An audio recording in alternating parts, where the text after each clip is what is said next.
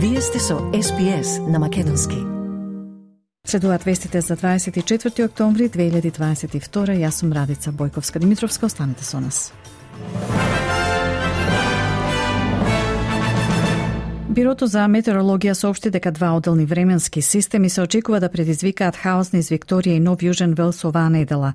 Според вишиот метеоролог Дин Нараморе, првиот систем се упатува кон Викторија од Јужна Австралија и ќе донесе умерени до обилни врнежи во делови од државата, особено на север.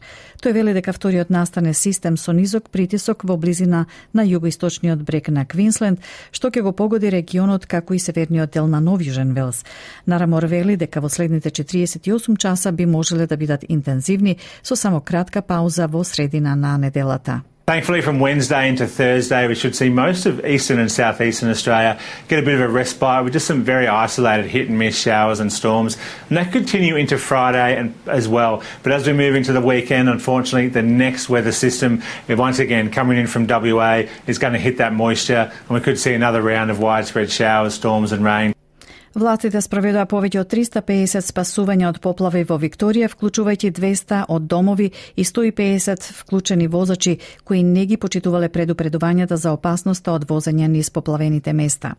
Помошникот на полицискиот комесар Дейвид Клейтон вели дека луѓето преземаат непотребни ризици. The consequences of not heeding the warning have been seen in some areas where we've responded to those homes that were asked to evacuate and we've had to rescue people.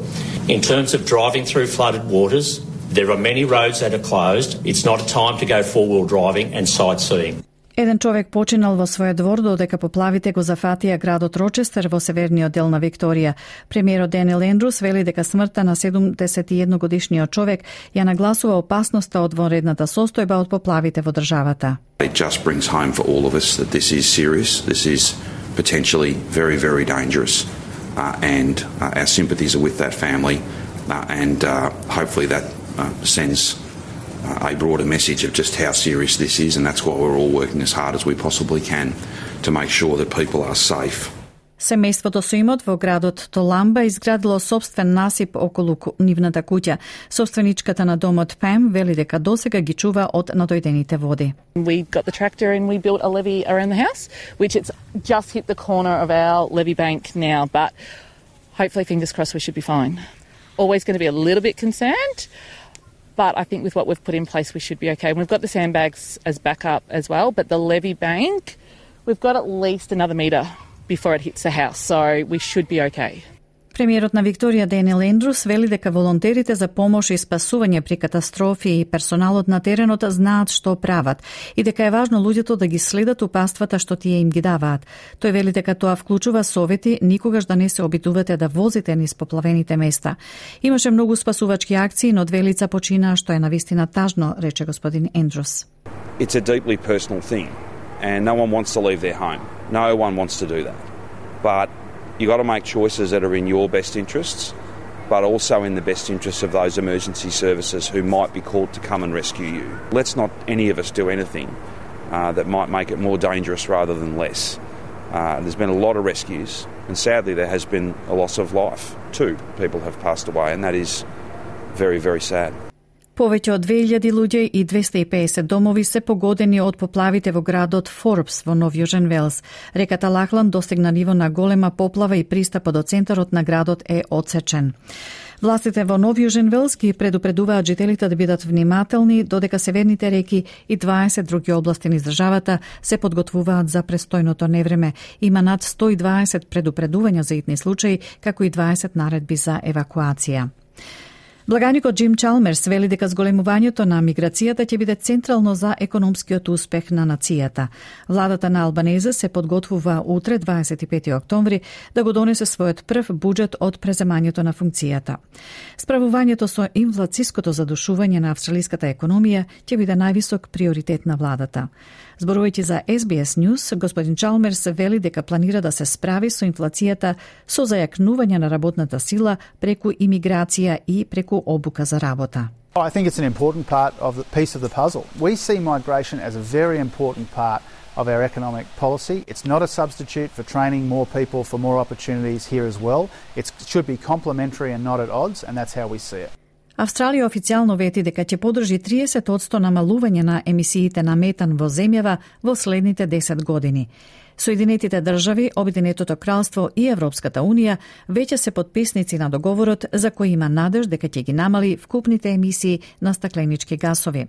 Министрот за климатски промени Крис Бауен вели дека Австралија е на 11-тото место на листата на најголеми загадувачи со метан во светот и дека владата сега бара можности да го намали метанот од секторите на земјоделство, енергија и управувањето со отпад. We are the world's 11th biggest emitter of methane. So it's very important that we have a seat at the table and we are part of the solution. Around uh, 29% comes from resources, 47% from agriculture, and 10% from waste. What we want, what we will do is work closely with these sectors on sensible plans for methane emission reduction. Според синдикалното движење, планот на сојузната влада за зголемување на платеното родителско одсуство не оди доволно далеко. Вкупно 26 недели платено родителско одсуство ќе бидат достапни од јули 2026 година по стапка на националната минимална плата. Председателката на синдикатот Мишел Онил вели дека стапката треба да се зголеми и да вклучи и пензиско осигурување. It's a big improvement to move to six months' pay, but we know to really make it fair, to really make sure that there's not a disincentive to men to take the leave, you've got to lift the payment so it's at a replacement wage. Otherwise, there's always a bit of an advantage for the person that is paid more to return to work, and the person that's paid less is to stay at home. Пробивот на страницата со податоци за онлайн шопинг во собственост на Woolworths разоткри детали на милиони луѓе. Компанијата вели дека компромитиран кориснички акредитив бил користен за пристап до информациите за клиентите од веб страницата MyDeal. Прекршувањето ги откри имињата на клиентите, адресите на нивната електронска пошта, телефонските броеви, адресите за испорека и нивните датуми на раѓање. Групацијата Woolworths е во процес на контактирање на околу 2,2 милиони клиенти. Од Вулворц вела дека MyDeal не складирал чувствителни записи, како што се информации за плаќање, возачки дозволи или детали за пасош и дека ниту една лозинка не била загрозена. Русија истрела проектили и беспилотни летала кон градот Миколаев во јужна Украина. Експлозиите оштетија две стамбени згради, но нема информации за големи жртви или загинати, со оглед на тоа што повеќето жители на градот се евакуираа по сличен напад пред 6 месеци. Миколаев се наоѓа на 35 километри северозападно од окупираниот Херсон, јужен регион, каде Русија им нареди на 60.000 луѓе да избегаат од наводна украинска офанзива. Тоа се случува во момент кога рускиот министр за одбрана Сергеј Шојгу им призна на своите француски и турски колеги дека војната се движи кон, цитат, неконтролирана ескалација. Македонците од Бугарија испратиле покани до македонскиот и до бугарскиот премиер за отворење на македонскиот културен клуб Никола Вапцаров во Благоевград, но вела дека засега одговор не добиле ниту од Скопје, ниту од Софија. Стојко Стојков од ОМО Илинден Пирин. За ТВ24 во саботата рече дека градската власт тивко го одобрува отворањето на македонскиот клуб во Благоевград, бидејќи поминал законскиот рок од 24 часа во кој градоначалникот можел да стави забрана, но такво нешто до сега немало. Тивка дозвола од страна на градоначалникот и тоа ќе се спроведе во смисла нема забрана од негова страна, така што ние сме навикнати на такви декларации. Може би во Македонија сега тоа направи поголем впечаток, меѓутоа такви работи за нас се зборуваат нон-стоп. Предходно Советот на Благоевград изгласа декларација со која го забрани отворањето на клубот Никола Вапцаров, пошто Македонското министерство за надворешни работи реагираше со вербална нота дека има непримерни квалификации, дека македонската нација била вештачки создадена. Бугарија последниот период е ставена под засилен мониторинг на Комитетот на министри во рамките на Советот на Европа. Во март овој комитет оцени дека бугарските судови неоправдано одбиваат регистрирање на ОМО и Линден. Повторно во земјава, премиерот Ентони Албанезе вели дека се надева друг спонзор ќе го подржи главното раководно тело за нетбол во Австралија, откако компанијата Hancock Prospecting на Джина Райнхард го повлече својот профитабилен договор за финансирање. Рударската компанија се повлече од предложеното тригодишно партнерство во вредност од 15 милиони долари, откако некои членови на националниот тим на диамантите изразија спротивни ставови. Господин Албанезе вели тој е оптимист дека Netball Австралија I'm very uh, hopeful uh, that uh, there will be uh, other uh, individuals, companies, uh, sponsors step up. Uh, is an important sport in this country. Uh, it is uh, played by so many people. Од најновата курсна листа, денеска еден австралиски долар се менува за 0,64 евра, за 0,63 американски долари и за 39,98 македонски денари, додека еден американски долар се менува за 62,7 македонски денари, а едно евро за 61,79 македонски денари.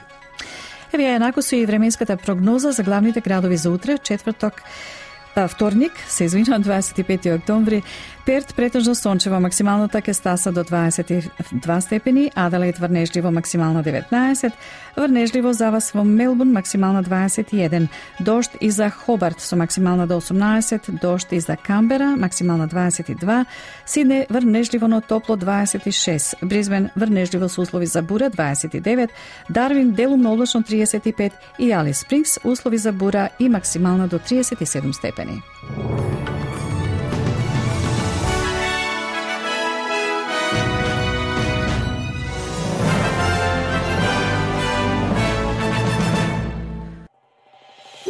Сакате ли да чуете повеќе прилози како овој?